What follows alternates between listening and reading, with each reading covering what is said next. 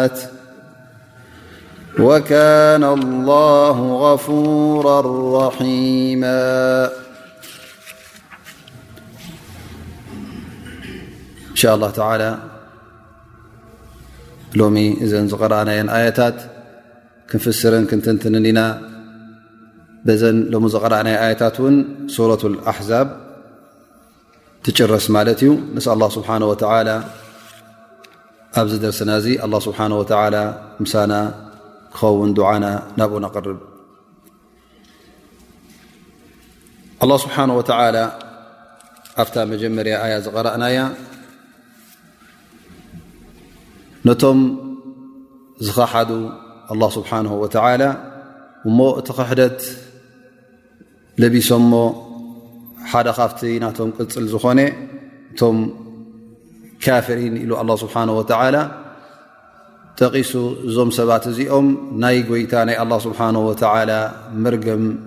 ከም ዝወርዶም እነሀ ኣላ ስብሓን ወተዓላ ይጠቕሰልና ኣሎ ማለት እዩ እና ላሃ ለዓነ ልካፍሪን ወላዓን ከምቲ ዝብልዎ ዑለማ ወ ጠርዱ ምን ራሕመት ላህ ተረጊምካ ማለት እዩ ካብቲ ናይ ኣላ ስብሓን ወተዓላ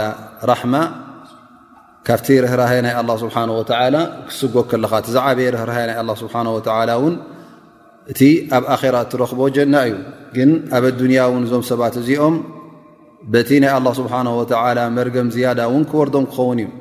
ሊኣንሁም መጥሩዲና ምን ራሕመት ላ እና ላሃ ላዓነ ልካፍሪና ወኣዓደ ለሁም ሰዒራ ኣብ ኣራ ውን ኣላ ስብሓን ወተላ ብእሳተ ጀሃንም ከቃፅሎም ከም ምኳኑ እዚ እሳት ጀሃንም እውን ተዳልዩሎም ከም ዘሎ ብእዋኑ እውን ኣላ ስብሓን ወተላ ይነግረና ኣሎ ማለት እዩ እዚ ናይ ኣራ ስቃይ እዚ ናይ ኣራ መቕፃዕቲ እውን መደምደምታ ከምዘይብሉ መጨረሽታን መፈፀምታን ከም ዘይብሉ እነሀ ኣላ ስብሓን ወተላ የጠንቅቐና ኣሎ ኻልዲና ፊሃ ኣበዳ ኣይ ማኪቲና ወሙስተምሪን ቀፃሊ መቕፃዕቲ ከም ምዃኑ ቀፃሊ ስቓይ ከም ዝፅበዮም ዘሎ ካብዛ ጀሃንም እዚኣ እውን መዓልተይ ኣእኪለ ፍርደይ ኣእኪለ እውን ዘይትብለሉ ብ እቶም ሙእሚኒን እንተ ኮይኖም በቲ ዝገበርዎ ማዕስያ ይቕፅዑ እተ ኣለዉ ኮይኖም በቲ መዓልቶም ክውድኣሎም እዩ ላኪን ኣላ ስብሓን ወላ ኣብዚ ኣያ እዚኣ ጠቕስልና ዘሎ መን እዮም እቶም ክሓቲ ማለት እዮም እቶም ኩፋር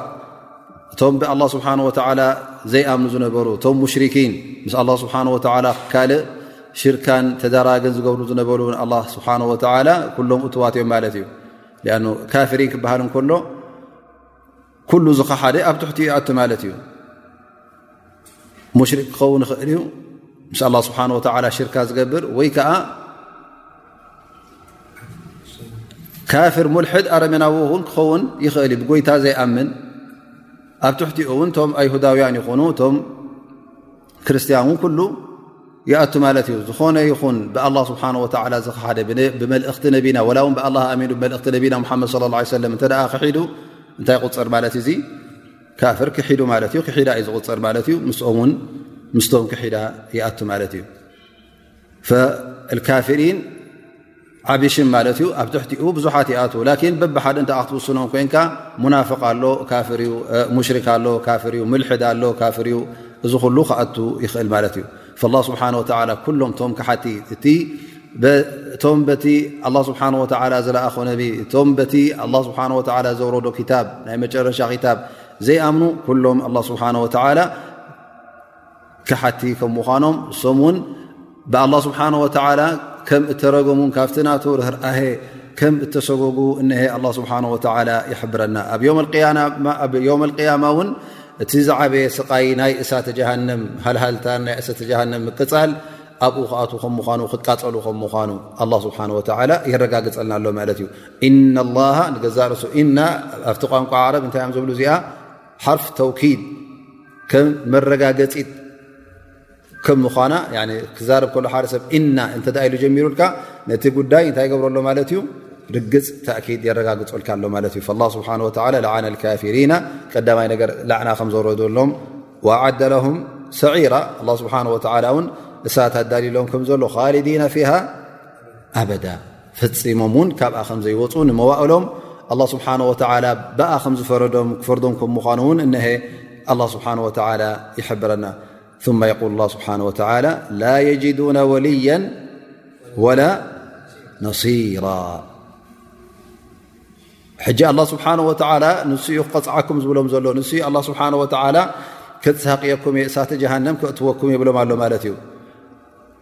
እሞ እንተ ኣላ ስብሓን ወተላ በዚ ፈሪድዎም ንእሳተ ጀሃንም እተ ኣእትዎም መን እዩ ካብዚ ነገር እዚ ከናግፎም መን እዩ ካብዚ ነገር እዚ ዘውፅኦም መን እዩ ዝድግፎም ፈፂሞም ደጋፊ የብሎምን ፈፂሞም እውን ካብዚ ስቃይ እዚ ዘተዓርቆም እውን የለን ኣን ላ ስብሓን ወላ ቃል ላ የጅዱና ወልያን ወላ ነሲራ ፈፂሞም ደጋፊ የብሎምን ናብኡ ዝዕቀቡ እውን የብሎምን ኣኖ ልዕሊ ሓይሊ ኣላ ስብሓን ወተላ ካልእ ሓይሊ የለን እስኻ እንተ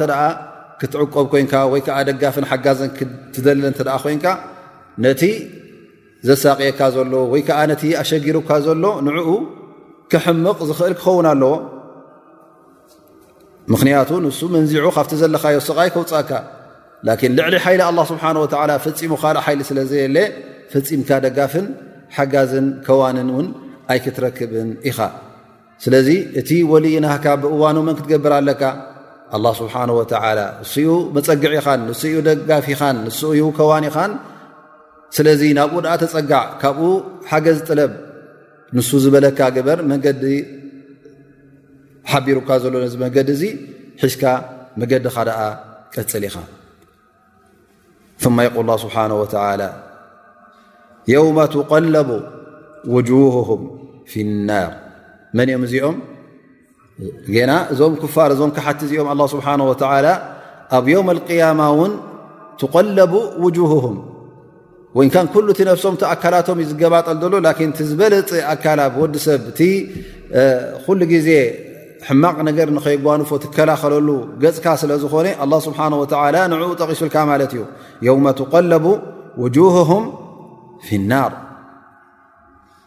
ሽዑ ኣብቲ እሳተ ጀሃንም ኣላ ስብሓን ወተላ ምስ ኣእተዎም ብገፆም ምስ ተሰሓቡ ይስሓቡና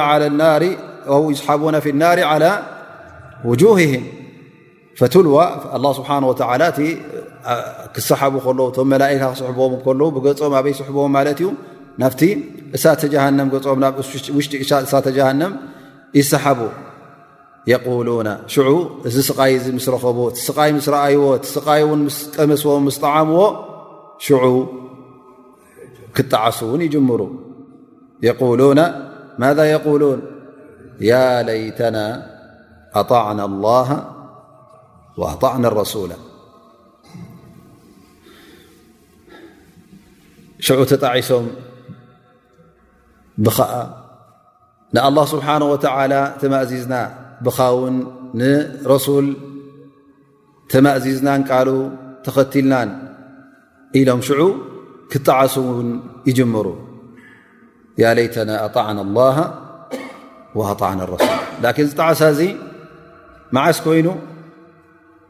ግዚኡ ምስ ሓለፈ ኣብቲ እዋኑ ይበልዎን ጌና ኣብ ኣዱንያ ከለዉ ኢሎሞ ተዝኾኑ ነዚ ምጠቐሞም ነይሩ ላኪን ሕጂ ግዚኡ ምስ ሓለፈ ስለ ዝኾነ ናይ ቶባ ሰዓት ምስ ሓለፈ እሞ ተጣዒስካ እውን ክትምለሰሉ ዘይከኣል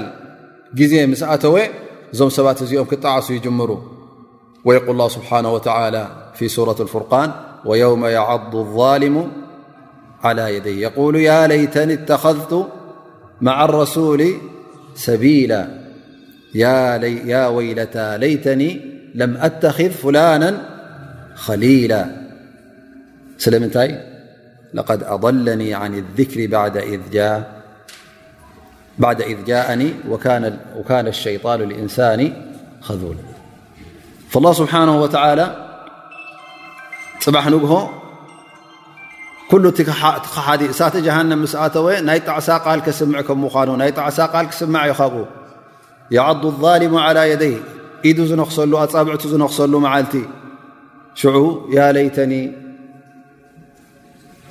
ብኻባ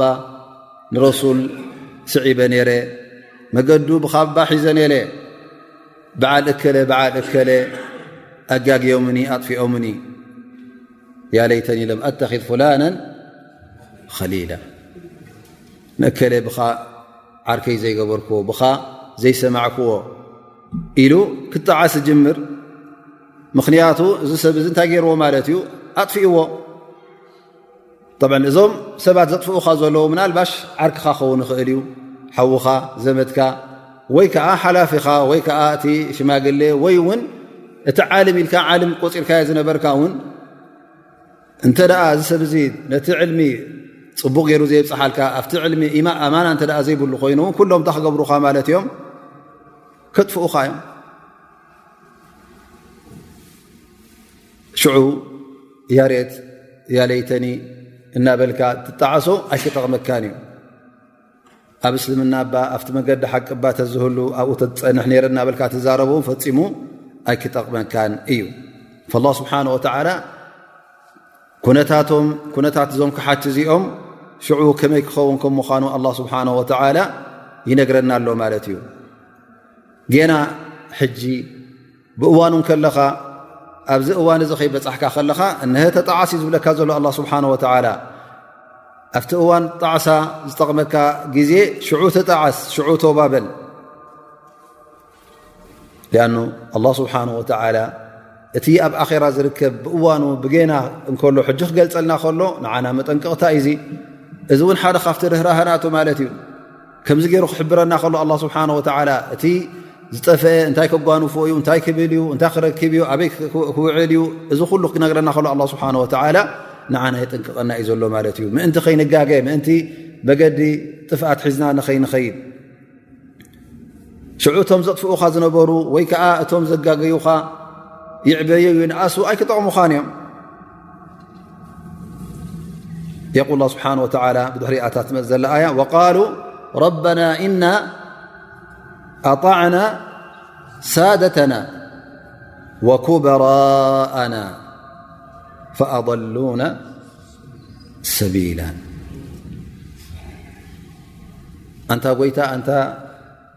ጎይታና ኣንታ ረቢ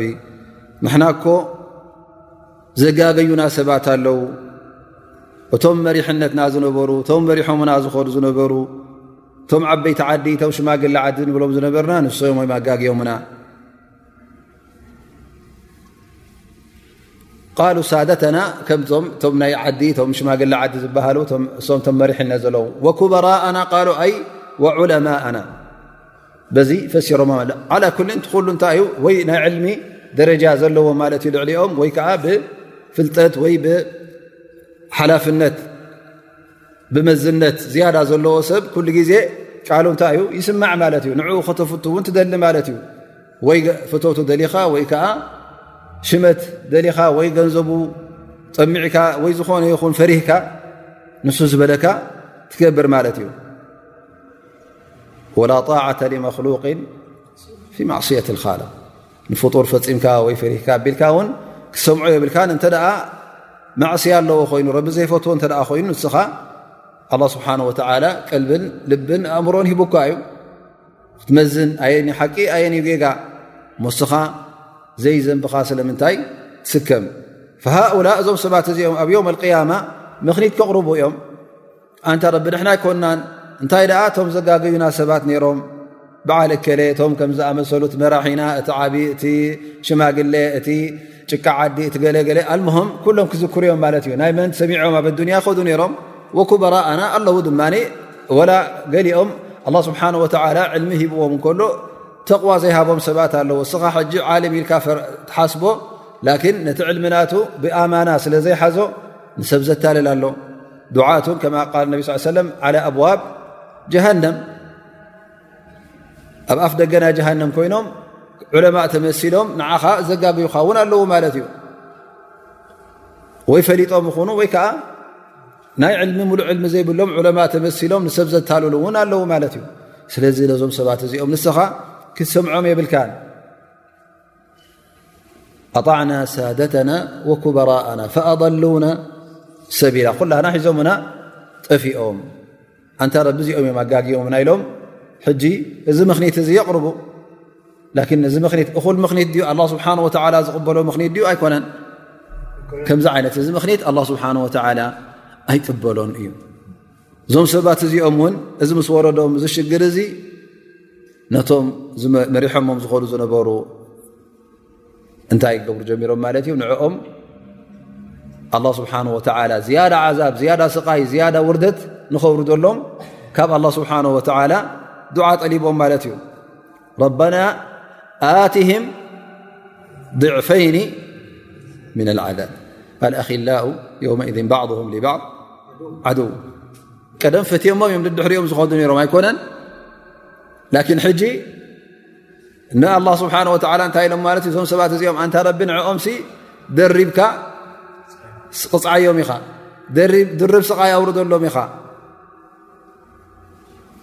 ቀደም ደድሕሪኦም ትኸዱ ይነበርኩም ንሶም እዮም ኣብ ር ዘለ ወይኩም ኣስዕብዎ ኣይነበርኩም ን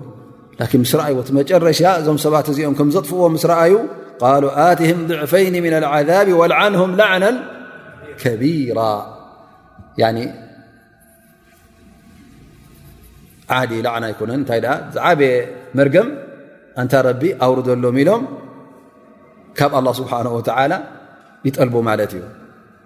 ኣበሎ ኣ ፍቅሪ ኣበሎ ኣ ስኒት ትሕውነት ዝነበረ ላስ ጠፍኡ ማለት እዩ ኣ ኣብዛ እዋን እዚኣ ሓዋ ይትብል ዓርከይ ኣይትብል ዘመድ ኣይትብል ኣደ ይትብል ኣቦ ይትብል መራሕየይ ነይሩ ንጉሰይ ነይሩ ወይከዓ ኣባት ነፍሰይ ነይሩ ወይከዓ ከምዝበሃል እዚ የለን ኣ ኣብዚ እዋን እዚ ብጀካ ኣ ስብሓ ወ ዘገላግል የለን እሞ እስኻ እተ መገዲ ኣ ስብሓ ወ ገዲፍካ መገዲ ሸጣውንቲ እ ትኽተል ርካ ኮንካ ኣ ስብሓ ወ ኣብዚ መዓልቲ እዚ ክቐፅዓካ እዩ እቲ ዝወርደካ ቕፅዓት ውን ዝከላኸለልካ የብልካ ነንሕድሕድካ ውን ትራገመሉ እዋን ክመፅ እዩ ምክንያቱ እቶም ሒዞምኻ ዝኸዱ ዝነበሩ ናብ ሰናይ ወስዱን ኣለዉ እናበልካዮም ከለኻ ናብዚ ዓዘቕቲ ጀሃንም ክእትወኻ ከለዉ ኣብዚ ስቓይ ጀሃንም ክእትኻ ከለዉ ብጣዕሚ እንታይ ትኸውን ማለት እዩ ንስኻ ብጣዕሚ ትሓርቕ ሓሪቕካ እውን ትራገም ማለት እዩ እነሀ እዚዩ ክርከብ ፅባሕ ንግሆ ኣብ ዮም ኣልቅያማ ኣላ ስብሓን ወተዓላ ከምዚ ክርከብ እዩ እናበለ እውን የጠንቅቐና ኣሎ ማለት እዩ ስለዚ ኩላህና ደኣ ንጠንቀቕ እቲ ኣላ ስብሓን ወተዓላ ዝበለና ንዕኡ ንስማዕ ንኡ ንግበር ካብ ሰብ ፈሪህካ ወይ ከዓ ንሰብ ፈቲኻ ነቲ ኣላ ስብሓን ወተዓላ ዝፀልኦ ክትገብር የብልካን ነቲ ኣላ ስብሓን ወተዓላ ዝኣዘዞ ክትግህስ የብልካን እንታይ ደኣ ኩሉ ዓይንኻ ኣብቲ ናይ ኣላ ስብሓን ወተዓላ ፍቶት ናይ ኣላ ስብሓን ወተዓላ ሪዳ ናብኡ ከተኩር ኣለዎ እዛ ተግባር እዚኣ ኣላ ስብሓን ወተዓላ ይፈትወለይ ድዩ ወይስ ይቁጣዓለይ ኣላ ኣዚዝዋ ድዩ ኣይኣዘዛን ነቢ صለ ላ ለ ወሰለም ከ እንታይ ኢሎም ብዛዕባ እዛ ጉዳይ እዚኣ ኢሎም ኩሉ ግዜ ክትሓትት ኣለካ እበር ሰብ ዝገብሮ እተ ክትገብር ኮንካ ክትጠፍእ ኢኻ ማለት እዩ ምክንያቱ ወዲ ሰብ ሻህዋ ኣለዎ ሹብሃ ኣለዎ ናይ ኣዱንያ ዊንታ ይስዕሮ እዩ ብዙሕ ነገራት ስለ ዘሎ ላኪን ኣላ ስብሓን ወተላ ካብዚ ኩሉ ርሒዕካ ካብዚ ኩሉ ወፅእካ ናፍቲ ጀና ክትኣት እተ ደለካ ኮይንካ ነቲ መገዲ ኣላን መገዲ ረሱል ለ ላ ለ ወሰለም ንዕኡ ክትክተል ኣለካ ማለት እዩ እዚ ዩ ኣላ ስብሓን ወተላ ዘጠንቅቐና ዘሎ ካብኡ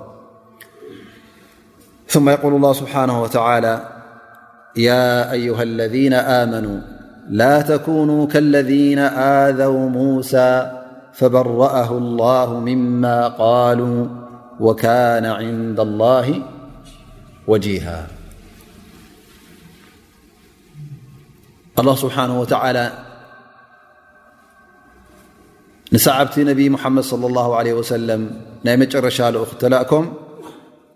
ነቶም ብኡ ዝኣመኑ የጠንቅቖም ኣሎ ማለት እዩ ንነቢ صለ ላ ለ ወሰለም ዝጎድእ ነገር ንኸይፍፅሙ ከምቶም ቅድሚ ሕጂ ኣብዚ ጉዳይ እዚ ዝወደቑ መን እዮም እቶም ሰዓብቲ ነብ ላ ሙሳ ለ ሰላም ኣብ ክንዲ ነብ ላ ሙሳ ዘኽብሩ ኣብ ክንዲ ነብ ላ ሙሳ ኩሉ ግዜ ሰናይ ዝገብሩ እዞም ሰባት እዚኦም ንነብ ላ ሙሳ ለ ሰላም ይጎድእዎም ነይሮም ማለት እዩ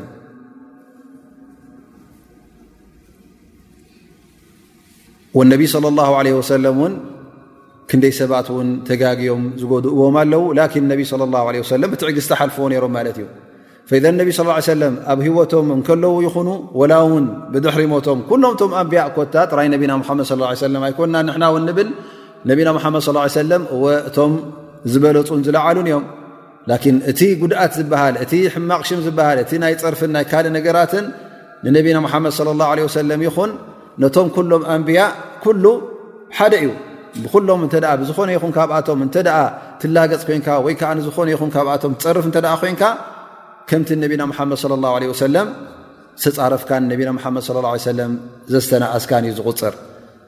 ን ኩል ኣንብያ ኣብ ቅድሚ ኣላ ስብሓን ወተላ ኩሎም ሓደ እዮም ሓደ ካብቲ መሰረት እምነት ናይ እስልምና እውን ጥራይ ብነቢና ሙሓመድ ለ ላ ሰለም ኣይኮንካ ንትኣምን እንታይ ደኣ ወሩሱል ብኩሎም እቶም ልኡኻን ኣላ እቶም ኣንብያ ኣ ኣ ስብሓ ወላ ዝለኣኹም ኩሎም ልኡኻን ኣላ ስብሓን ወላ ከም ምዃኖም ተኣምነሎም ኣላህ ስብሓን ወተዓላ እውን ከም ዘኽበሮም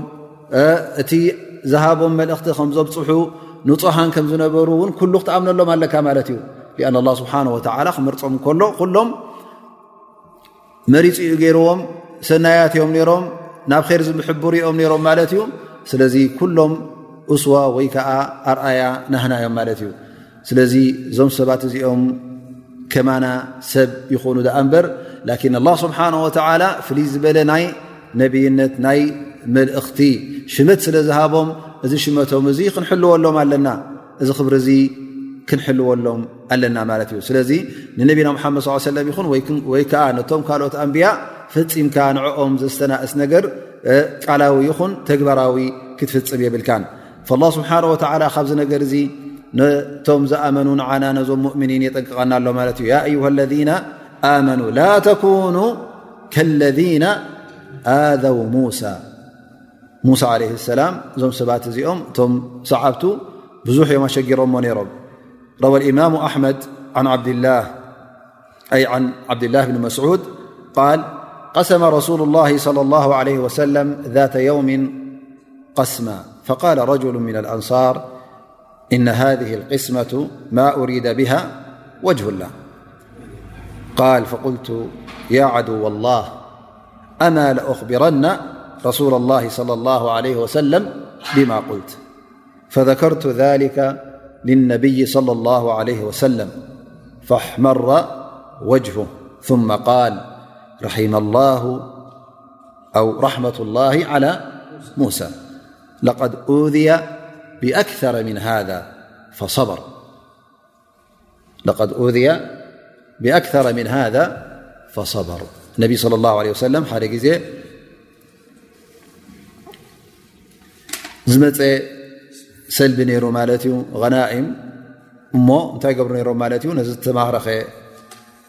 ገንዘብ ይኹን ጥሪት ይኹን ኣነቢ صለ ላه ለ ሰለም ይመቕልዎ ነይሮም ማለት እዩ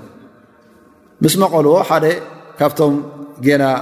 ኣብ ልቦም ኢማን ዘይኣተወ ካብቶም ኒፋቅ ዘለዎም ካብቶም ኣንሳር ቁፅር ነይሩ ላኪን ናይ ብሓቂ ኢማን ኣይነበሩን ማለት እዩ እንታይ ይብል ኣሎ እዚ ሰብ እዚ እዚ መቃቕል ኣዝስ ናይ ሊላ ኢልካ ፍቶት ናይ ረቢ ወጅህ ላ ዘርኢ ኮነን ኢሉ ተዛሪቡ ማለት እዩ እዚ ኣብ ቅድሚ ነቢና ሓመድ ስ ሰለ ኣይበሎ እንታይ ኣ ድሕሪኦም ኢልዎ ማለት እዩ ዓብዱላ ብን መስዑድ ነዚ ነገር ዚ ምስ ሰምዐ ይብል ኣንታ ዓድዎ ላ እንታ ፀላኢ ኣላ ከመይ ጌርካ ዘረባ ዚ ትብል ንነቢ ለ ላ ለ ወሰለም በቲ ተዛረብካዮ ዝበልካዮ ቃል ክዛረቦም እየ ክነግሮም እየ ኢሉ ንነቢ ስ ሰለም ከይዱ ይነግሮም ማለት እዩ ነቢ ስ ሰለም ብጣዕሚ ተቆጢዖም ማለት እዩ ክሳዕ ገፆም ዝቐይሕ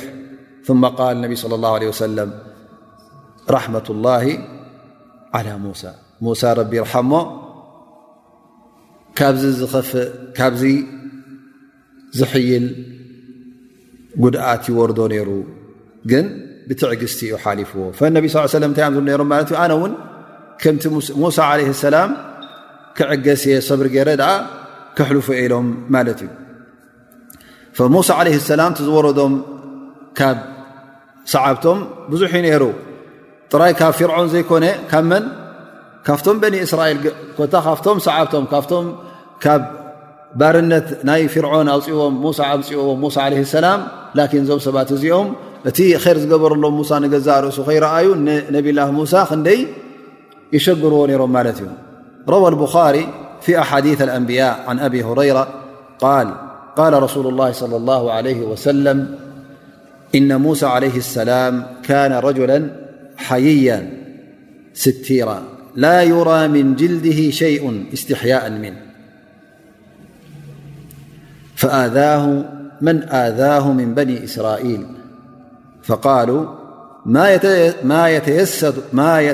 ما يتستر هذا الستر إلا من عيب في جلده إما برس وإما أدرة وإما آفا ነቢ صለ ላه ለ ሰለም ይብሉ ሙሳ ዓለ ሰላም ብጣዕሚ ሓፋር እዮም ነይሮም ሓያ ነይርዎም ስለዚ እቲ ዝኽደንዎ ነበረ ክዳን ቆርበቶም ክረአ ወይ ከዓ ነብሶም ክረአ ይደልዩ ነበሩን ሃ ካብ ምንታይ ተበጊሶም እዮም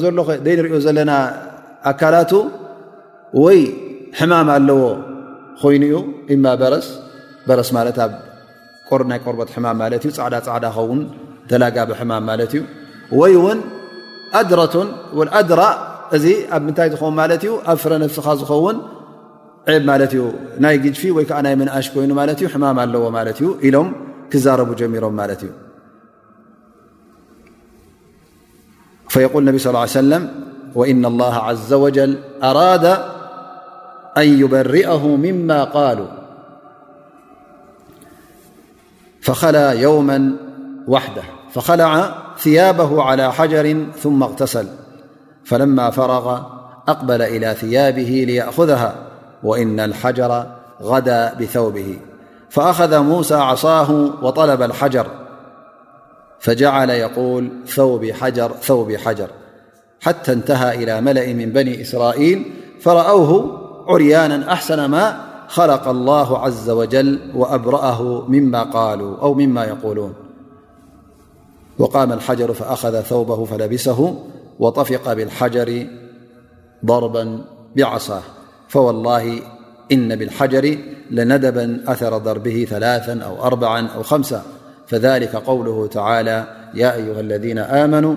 لا تكونوا كالذين آذوا موسى فبرأه الله مما قالوا وكان عند الله وجيها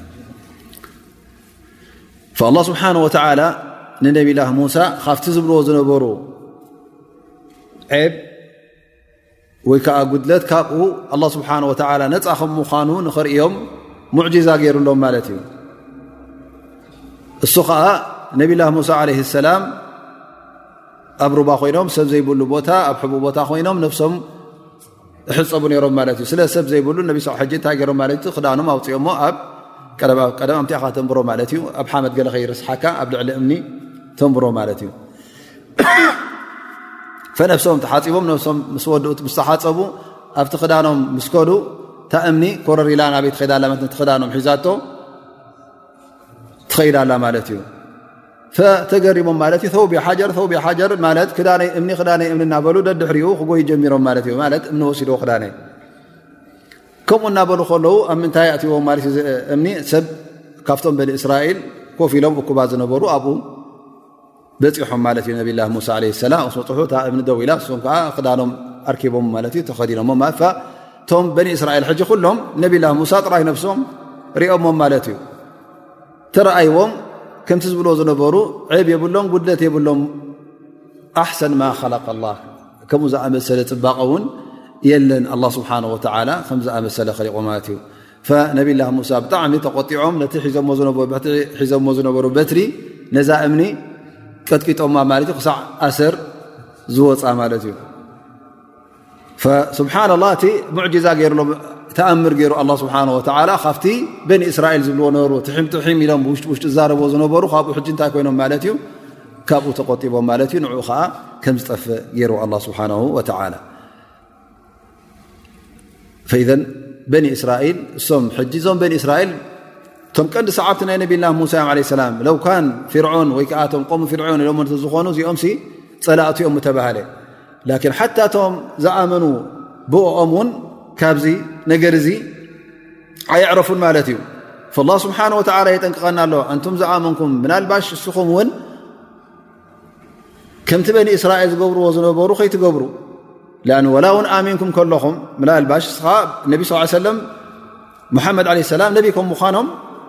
ኣኣምን እየ ትብል ማዕደክ ሙሽክል ኣብ ኢማን ላኪን ኣብ ምንታይ ትዛረብ ማለት እዩ ምናልባሽ ኣብ ጠባዮም ኮይኑ ኣብ መልክዖም ኮይኑ ኣብ ዘረበኦም ኮይኑ ኣብ ዝኾነ ይኹን እንተ ደኣ ክትስተናእሶም ጀሚርካ ወላ እውን ኣሚንካ ሃሉ ዳኣ እምበር እንታይ ትገብር ኣለኻ ማለት እዩ ኣያ ትገብር ኣለኻ ማለት እዩ ወይ ውን ኣብ ስድራ ቤቶም ወይ ከዓ ኣብ ዝኾነ ይኹን ኣያ ትገብረሎም ማለት እዩ ላ ስብሓን ወተላ ካብዚ ነገር እዚ የጠንቅቐና ኣሎ ማለት እዩ ምስቶም ኣይሁዳውያ ምስቶም በኒ እስራኤል እውን ተመሳሰልቲ ንኸይንኸውን ንዕኦም ንኸይንመስል እሶም ብጣዕሚ ንነብ ላ ሙሳ ለ ሰላም ብጣዕሚ እዮም ዝጎድዎ ነይሮም ከማ ቃል ነቢ ለ ላ ለ ወሰለም ኡዝያ ኣክራ ምን ሃ ነብላህ ሙሳ ለ ሰላም ካብዚ ዝልዕል ካብዚ ዝዓቢ ኣያ ወይ ከዓ ጉድኣት ንነብላህ ሙሳ ወሪድዎም እዩ ኢሎም እነቢ ለ ላ ለ ሰለም እውን ከም ሓደ ኣብነት ገይሮም ጠቒሶሞም እዮም ንመን ነብላህ ሙሳ ዓለ ሰላም ወነብላ ሙሳ ዓለ ሰላም ከምቲ ኣላ ስብሓን ወተላ ዝጠቕሶም ዘሎ የል ወካነ ዕንዳ ላ ወጅሃ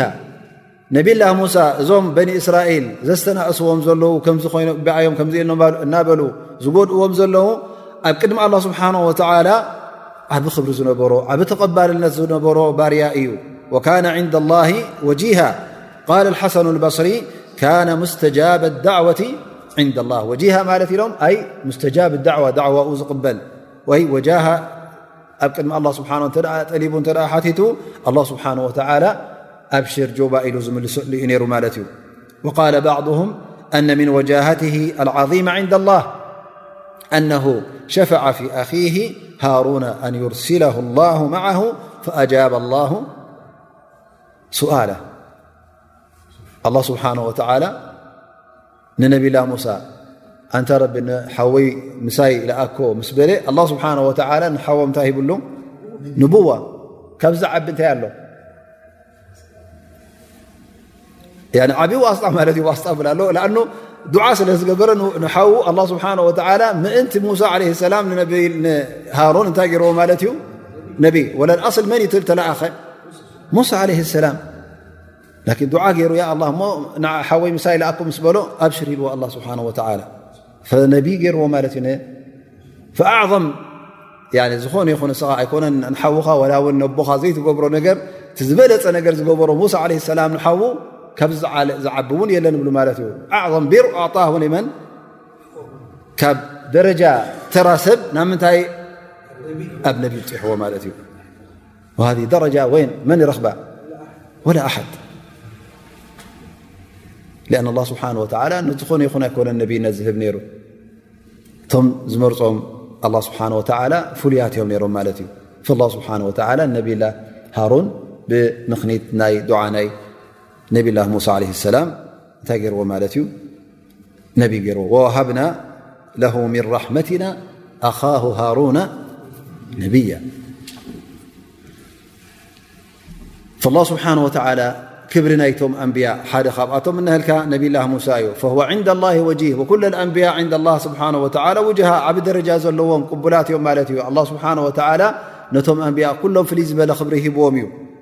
ስለዚ ንኹሎም ሰዋእ ንሙሳ ኮይኑ ካልኦት ኮይኑ ንኹሎም ከነኽብሮም ኣለና መሰሎም ክንሕልወሎም ኣለና እቲ ኣላ ስብሓን ወተላ ዝሃቦም ክብሪ ኩሉ ግዜ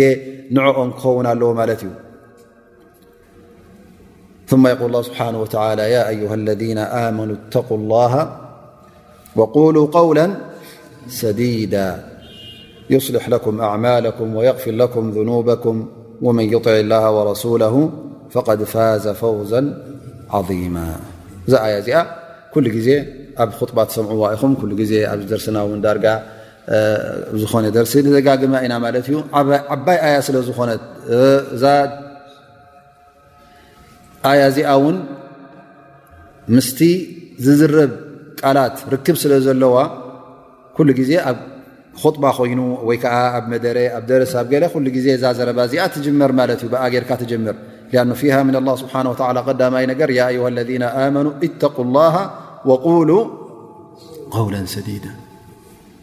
መጀመርያ ጠብዓ ፃውዒት ንመን እዩ ነቶም ሙእምኒን ነቶም ብኣላ ስብሓን ወተላ ዝኣመኑ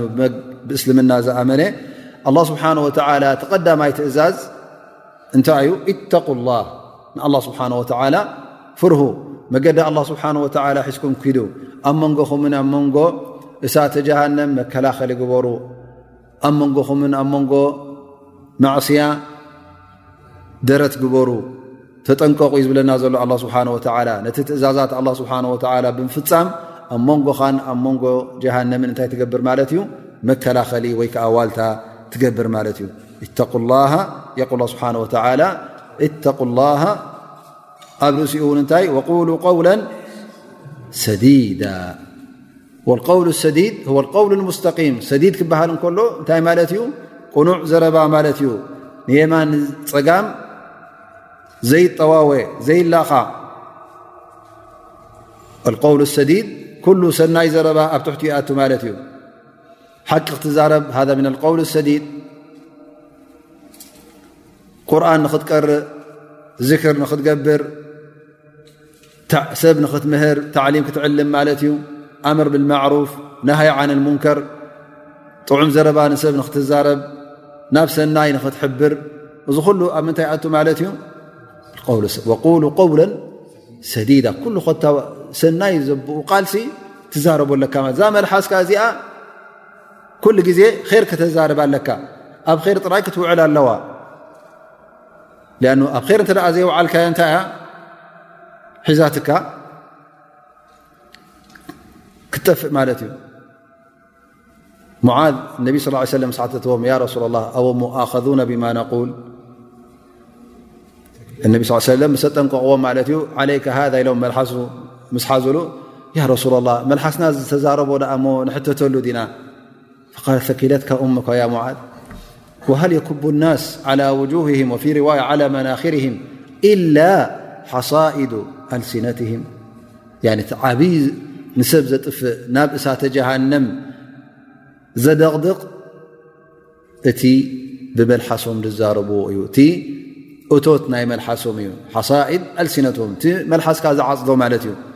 ተዛረብካዮ መጨረሻ እቲ ማእቶትካ እንታይ ኸውን ማለት እዩ እሱ እዩ ዘንቢ እተ ክኣሪ ፀኒሑ ዝመልሓስ እዚ ናበይ ክወስደካ እዩ ንእሳ ተጀሃንም ክወስደካ ማለት እዩ ነቢ ስ ሰለም ኢሎም ኣብ መንጎ ክልተ መንጋግኡን ኣብ መንጎ ክልተ ሰለፉን ዘሎ እንተ ደኣ ሒዝኩምለይ ደሚንትለኩም ጀና እሰ ንተን ሰብ ዘጥፋኣ ማለት እዩ እታ መልሓስካ ኣብ መንጎ ክልተ ማንገጋካ ዘላ እንታይ እታ መልሓስ ማለት እዩ እቲ ኣብ መንጎ ክልተ ሰለፍካ ዘሎ ድማ እታ ብልዒት ማለት እዩ እታ ንሰብ ብዙሓት ሰብ ተጥፍእ ማለት እዩ እዚአን እንተ ሓፊዝኩምለይ እንተ ነዚአን ሓሊኹምሲ መገዲ ረቢ ዝሓዛ እንተ ኮይነንሲ ብድሕሪኡ ዝፍርህ ነገር የብልኩምን ጀና ኢኹም ኢሎም ነቢ ስለ ላ ለ ወሰለም እውን ብስራት ሂቦምና ማለት እዩ ፈዘ ያ ዩሃ ለذ ኣመኑ ተቁ ላ ወቁሉ قውላ ሰዲዳ ተቕዋ ናይ ኣላ ፍርሃት ናይ ረቢ ዘለካ እንተ ኮይንካ እሞ ከዓ እቲ ልብኻ ነፂሁን ፅርዩን መልሓስካ ድማ ኩሉ ግዜ ጥሩይ ዝኾነ ዘረባት ጥዑም ዝኾነ ዘረባት ዛረብ እንተ ኮይኑ የቁል ስብሓን ወተላ እቲ ውፅኢቱ እንታይ ክኸውን እዩ ዩስልሕ ለኩም ኣዕማለኩም ሰናይ ስርሓት ክትሰርሐኻ ማለት እዩ እንተደኣ እዚ ጌርካ ዋዓድ ምና ላ ኣላ ስብሓን ወተላ ቃል ይኣትወልካ ኣሎ ኩሉ ተግባራትካ ኩሉ ቕኑዕ ንክኸውን ናብ ሰናይ ነገራት ናብ ር ዝኾነ ነገራት እውን ኣላ ስብሓን ወተላ ክውፍቐካን ከስምረልካን እዩ ወየቕፍር ለካ ዝኑብ ኣብ ርእሲኡ እውን ዝሓለፈ ዘንብታትካ እውን ይቕፍረልካ እቲ ዝመፅ ዘሎ ውን ኩሉ ግዜ ንሰናይ ስራሓት ትሰርሕ ስለ ዘለኻ ናብ ር ክትከውን ማለት እዩ እዘ እንሩ እዛ መልሓስ እዚኣ እቲ ናታ ውፅኢት ክሳዕ ክንደይ ከም ምኳኑ ኣ ስብሓ ወ እንተ እዚ ጌርኩም ይስልሕ ለኩም ኣማለኩም ወየቕፊር ለኩም ኑበኩም ሰናይ ትስራሓት ጥራይ ክትሰርሕ ማለት እዩ ተግባርካ ኩሉ ር ክኸውን እዩ ን ኣስለን ቲ መልሓስ እተ ዘይጠዓየ ስራሓት ውን ኣይ ክጥዕን እዩ በል ብልዓክስ እተ ቲ መልሓስ እከይ ኮይኑ ንነፍስኻ ተጋጊኻ ንመን ክተጋጊኻ ንመን ክትልክም ኢኻ ንሰብ ተጋጊኻ ነ ዝሰምዓካ ዘሎ ንስኻ ጥራይ ናብ ነብስኻ ይኮነ ሕማቕ ዝተርፍ እታይ ዘረባ ስለ ዘሎ መልሓስ ይንቀሳቐስ ስለ ዘሎ ንስኻ ትዛረቦ ዘለኻ ትገብሮ ኣለኻ ዞም ክስከም ኢኻ ኣብ ርእሲኡ ድማ ንመን ክትልክም ኢኻ ነቲ ሰብ ሓደ ኮይኑ ክልተ ኮይኑ ወላ ሚ ሰብ በዚ ሎሚ ክንደይ ሰብ ሰምዑኻ ብልመላይን ዝሰምዐካ ዘሎ ሕጂ ከም ቀደም ኣይኮነን ቀደም ዘረባኻ እቶም ዘለዉ ምሳኻ ሶም ሰምዑዋ ድሕሪኡ እንተ ክትበፅሕ ኮይና ከለኢሉ ክትበፅሕ ኮይና ክንደይ ክትበፅሕ እያ ዓ 2 ወላ ሽሕ ትብፃሕ ላኪን ሕጂ እስኻ ክትዛረብ ከለኻ ካብታ መልሓስካ ጥራይ ትሰምዖ ሙምክን ብመላይን ክኾኑ ይኽእሉ እዮም እንተ ደኣ ፀኒሑ ድማ እናወስኹ ክኸዱ ዳኣ እምበር ኣይንክዩን እዮም ማለት እዩ ምክንያቱ በዚ ሎሚ ጠብ እቲ ናይ እዕላም ዝግበር ዘሎ ትመላ ትሰምዑ ኣለኹም ናይ ዜናን ናይ ገለን ንሱ ናበይ ከብፅሓልካ ማለት እዩ ተሰጂሉ ተቢሉ ተቀዲሑ ፀኒሑ ድገም ይደጋገም ዘይሰምዖ ይስምዓዮ ፈኢዘን ትዘንብኻ እንደገና እንታይ ክኾን ኣሎ ማለት እዩ እዝርጋሓ ኣሎ ማለት እዩ ኢዘ ሓሳኢዱ ኣልሱን ክንጥቀቕ ኣለና ማለት እዩ መልሓስና ኩሉ ግዜ ክንእርንብ ኣለና ማለት እዩ ላ ስብሓን ወተላ እዞም ሰባት እዚኦም ንመቕፊራት ዝሓለፈ ዘንቦም እቲ ዝመፅእ ድማ ንተባ ወላ ተተጋገዩ ውን ብድሕሪኡን ተባ ክብሉ ከም ምኳኖም ኣን ላ ስብሓ ወላ ዓድም ብኣን ዮስልሕ ኣማም እቲ መፃ ኩሉ ስብሓ ወላ ሰላሕ ዘለዎ ር ዘለዎ ክገብረሎም ከም ምኳኑ ስብሓ ወላ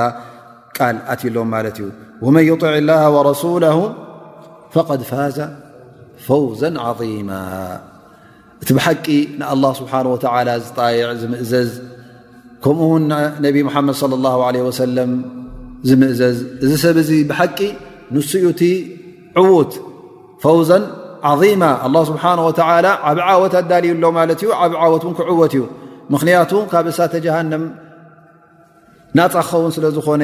ንጀና ክኣቱ ስለ ዝኾነ ኣብቲ ቀፃሊ መዋእል ናይ መዋእል ኒዕማን ሽሻይን ፍስሃን ኣብኡ ክነብር ስለ ዝኾነ እዚ ሰብ እዚ እንታይ እዩ ፈቐድ ፋዛ ፈውዛን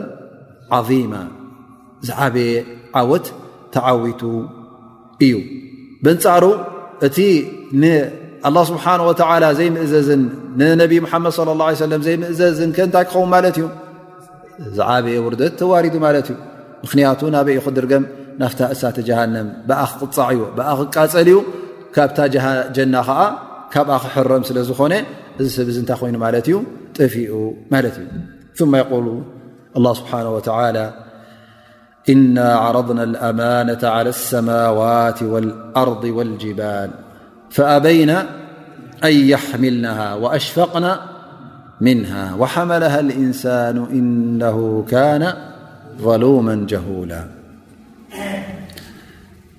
إنا عرضنا الأمانة الأمانة طبعا علماءل ترقم هبملا لكن أما جرشادرق خل حاد يخون مالتي ابن عباس قال الأمانة هي الطاعة وفي رواية ك رواية لماني قال هي الفرائض وقال قتادة الأمانة هي الدين والفرائض والحدود وقال مالك عن زيد بن أسلم الأمانة ثلاث الصلاة والصوم والاغتسال من الجنابة هذه أقوال علماء مالت ابن كثير يقول وكل هذه الأقوال لا تنافي بينها በል ያ ሙተፊቃ እዚ ቃላት እዚ እተ ሰሚዕናዮ ኣንፃርነት ነንሕዱ ዘለዎ ኣይኮነን እንታይ ደኣ ኩሉ ነንሕዱ ዝሰማማዒ ብሓደ ውን ክእከብ ይከኣል እዩ ኩሉ ኣብ ምንታይ ይኣቲ ማለት እዩ ታሕት ተክሊፍ ዝበሃል ኣላ ስብሓን ወተላ ንሰብ እንታይ ከሊፍዎ ማለት እዩ እንታይ ኣዚዝዎ እቲ ኣላ ስብሓን ወተላ ዝኣዘዞ ንሱ ንክትፍፅም ንሱ ስብሓን ወላ ዝኸልከሉ ንክትክልከል እሱ እቲ ኩሉ ኣብ ትሕቲኡ ኣቱ ማለት እዩ ፈኢዘን ኩሉ ናበይ ክኣቱ ማለት እዩ ተኣማና ትበሃል ናብዚ ትኣቱ ማለት እዩ ፈኣማና ሁና እና ዓረድና ኣማነታ ክብል እንከሎ ኣላ ስብሓን ወተላ እዘ እቲ ኣማና ንገዛእ ርእሱ እቲ ናይ ዲን ወይ ከዓ ኣተክሊፍ ማለት እዩ ተክሊፍ ክህልዎ ማለት ተኣዚዝካ እቲ ተኣዘዝካዮ ክትፍፅም እቲ ተኸልክልካይኦ ከዓ ካብኡ ክትክልከል ላ ስብሓን ወተላ የትክር ን ዓረድ ኣማና እዚ ኣማና እዚ እዚ ሕድሪ እዚ መጀመርያ ንመን ተባሂሉ ንሰማይን ንመርትን ንጎቦታትን ብ እንተ ደኣ ሰማያት ትርኢ ኮንካ ወይከዓ ዝጎቦታት ዝመሬት ተ ርኢኻዮ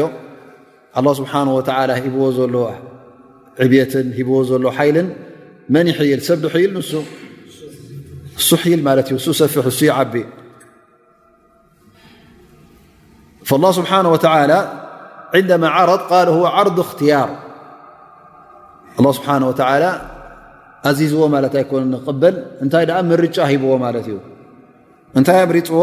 ኢልዎ ንዓ ኣንታ ሰማይ ኣንቲ መሬት ኣንታ ጎቦ እዛ ኣማና ወይ ከዓ ዝሕድሪ ዝተቐበል ምስ ተባሃለ ያ ኣላ ኢሉ እዚ ሕድሪ ዝሞ እንታይ ኣለዎ እንታይ እዩ ላ ስብሓን ወተላ እዚ ሕድሪ እዚ እንተ ደኣ ፈፂምኩምሞ ኣጅር ኣለኩም ር ክትረኽቡ ኢኹም እንተ ደኣ ዘይፈፀምኩምሞ ከዓ ክትቅፅዑ ኢኹም ኢልዎም ማለት እዩ ኣላ ስብሓን ወተላ ቅድሚ ንሰብ ምእዛዙ ማለት እዩ ቅድሚ ንኣደም ምንጋሩ ኣሽፈቁ ካብዚ ነገር እዚ ፈሪሆም ማለት እዩ ያ ኣላ እዚ ነገር እዚስ ንዓና የስጋኣና እዩ የፍርሃና እዩ ብናልባሽ ከምቲ ጉቡእ ክንስከሞ ይንኽእልን ኢና ኢሎም ንኣላ ስብሓን ወተላ ምሕረት ሓቲቶም ማለት እዩ ላ ስብሓን ወተላ ኣይኣዘዞምን ላኪን እንታይ ዩ ምርጫ ሂቦም ሩ ትቕበሉ ዶ ኣይትቕበሉን እዩ ነሩ ትዘረባ እሶም ከምዚ ኢሎም ምስ መለሱ ናብ ኣደም ለ ሰላ ናብ ኣዳም ማለት እዩ ናብ ሰብ ናብ ቀንዲ ናሰብ ማለት ናብኡ ተመሓላሊፉ ማለት እዩ ፈቀቢላ ኣደም ኣደም ተቐቢልዋ ማለት እዩ ወቃል ሓመለ ኣልእንሳን እዚ ኣማና እዚ መን ትሰኪምዎ ኣደም ወይ ከዓ ወዲ ሰብ ትሰኪምዎ ማለት እዩ እቲ ሰማይን መሬትን ጎቦታትን ኩሉ ነዚ ነገር እዚ ነዚ ኣማና እዚ ነዚ ሕድሪ እዚ ንክስከሞ ክእለት ከም ዘይብሉ ይቕሬታ ምስ ኣቕረበ ወዲ ሰብ ተሰኪሞ ማለት እዩ ፈ ስብሓ እንታይ ኢ እነ ካነ ظሉመ ጀሁላ ራ ብኣምር ላ ማለት ነዚ ነገር እዚ ፅቡቕ ገይሩ ኣይስተውዓለሉን ነይሩ ኣብቲ እዋን እቲ ኣስተውዒሉ ዝነብር እዚ ጉዳይ እዚ ከቢድ እዩ ብቐሊሉ እውን ኣይምተቐበሎን ማለት እዩ ክምቲ ጎቦን ሰማያትን መሬታትን ነዚ ኣማና እዚ ዘፍረሆም ዘዝግኦም ወዲ ሰብ ከይሰጋእ ከሎ ኣነ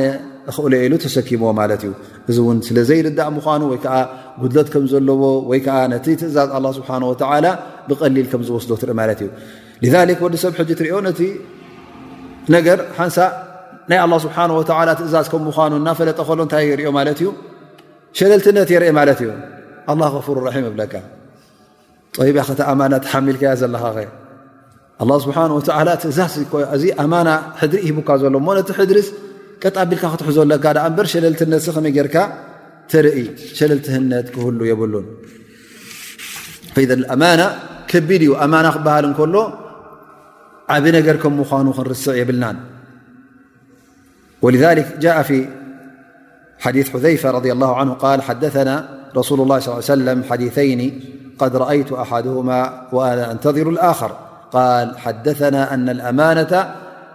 نزلت في جذر قلوب الرجال ثم نزل القرآن فعلموا وعملوا مل القرآن ومن السنة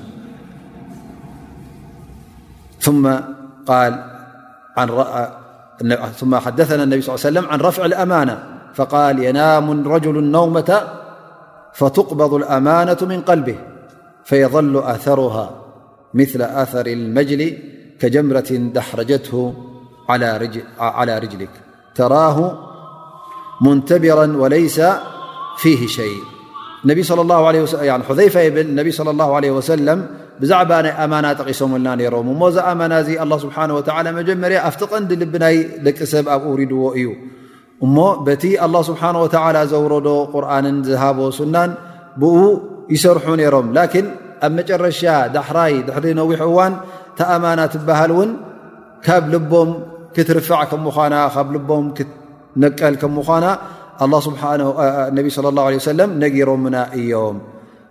እሱ ከዓ ሓደ እዋን ክመፅ እዩ እታ ኣማና ትበሃል ወዲ ሰብ ደቂሱ ነይሩ ምስ ተሰአ ኣብ ልቡ እታ ኣማና ዝነበረት ክትጠፍእ እያ ልክዕ ከም ምንታይ ክተርፍ እዩ ማለት እዩ ከም ጥራይ ኣሰር ክኸውን ማለት እዩ ብማዕና ከመይ ገይሮም ገሊፅዋ ማለት እዩ ምል ኣር ጀምሪ ማለት ልክዕ እንተ ጓህ ርምፂኻያ ሞኒ ኣብዚ ነብስኻ ሰተት ኣቢልካ ኣሊፍካያ እንታይ መስል ማለት እዩ ከምዚ ዝነደትካ መስላ ን ብሓቂ ኣይነደትካ እተ ድርዝርዝ ኣቢልካ እታይ ይኸውን ማለት እዩ ይኸይድ ማለት እዩ ስለዚ ተኣማና ከምኣ ክትፈኩስ ማለት እዩ ክትለግብ ኣይኮነትን ኣፍታ ልቢ ወዲ ሰብ ፈይብል ብድሕሪኡ ኣነ ውን እዚ ነገር እዚ ርኦዮ እየ ኢሉ ባዕሉ እውን ይዛረብ ማለት እዩ ኣብቲ መጀመርያ ኣብቲ ቀዳሞት ሰሓባ ዝነበሩሉ እዋን እንከሎ ተኣማና ፈፂመ ፈርህ ኣይነበርኩና ካብ ዝኾነ ሰብ ገዝእ ንዝኾነ ሰብ ይሸይጥ ነረ ወላ ሓንቲ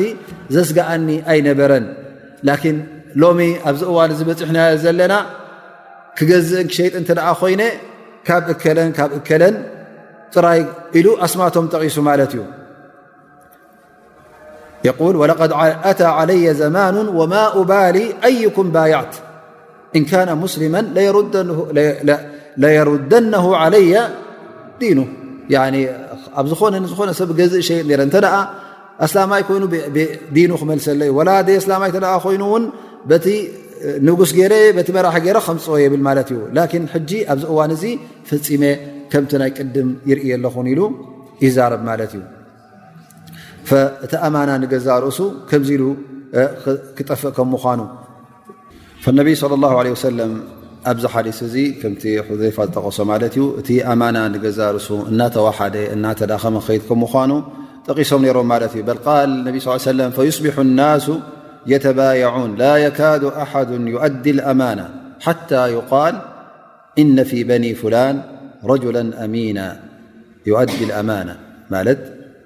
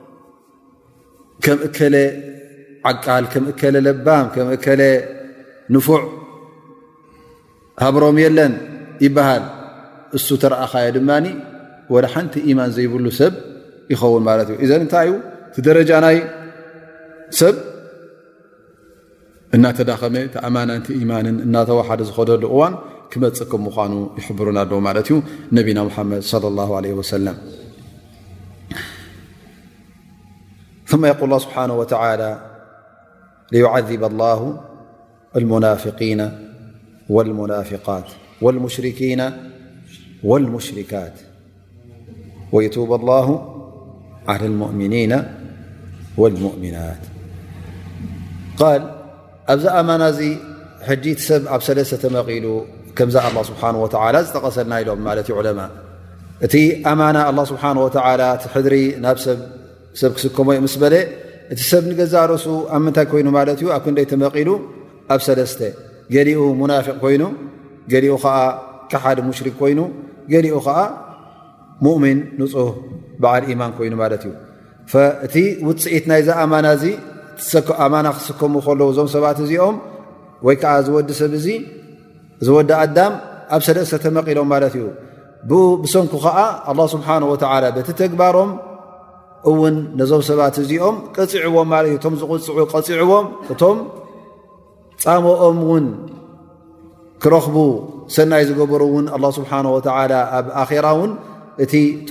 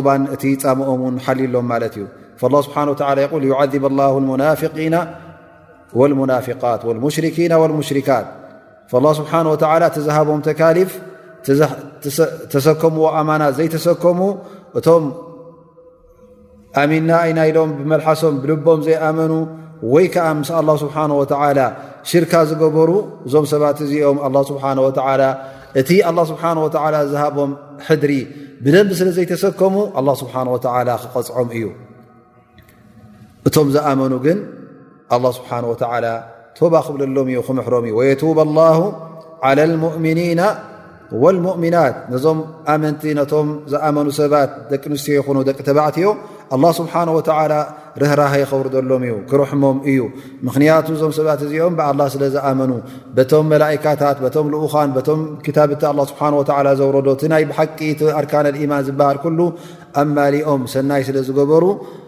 ነቲ ፈርዲ ዝበሎ ኣላ ስብሓን ወተዓላ ፈርዲ ኢሎም ተቐበሉ ነቲ ኣላ ስብሓን ወተዓላ ዝኸልከሎም እውን ሓራም እዩ ኢሎም ካብኡ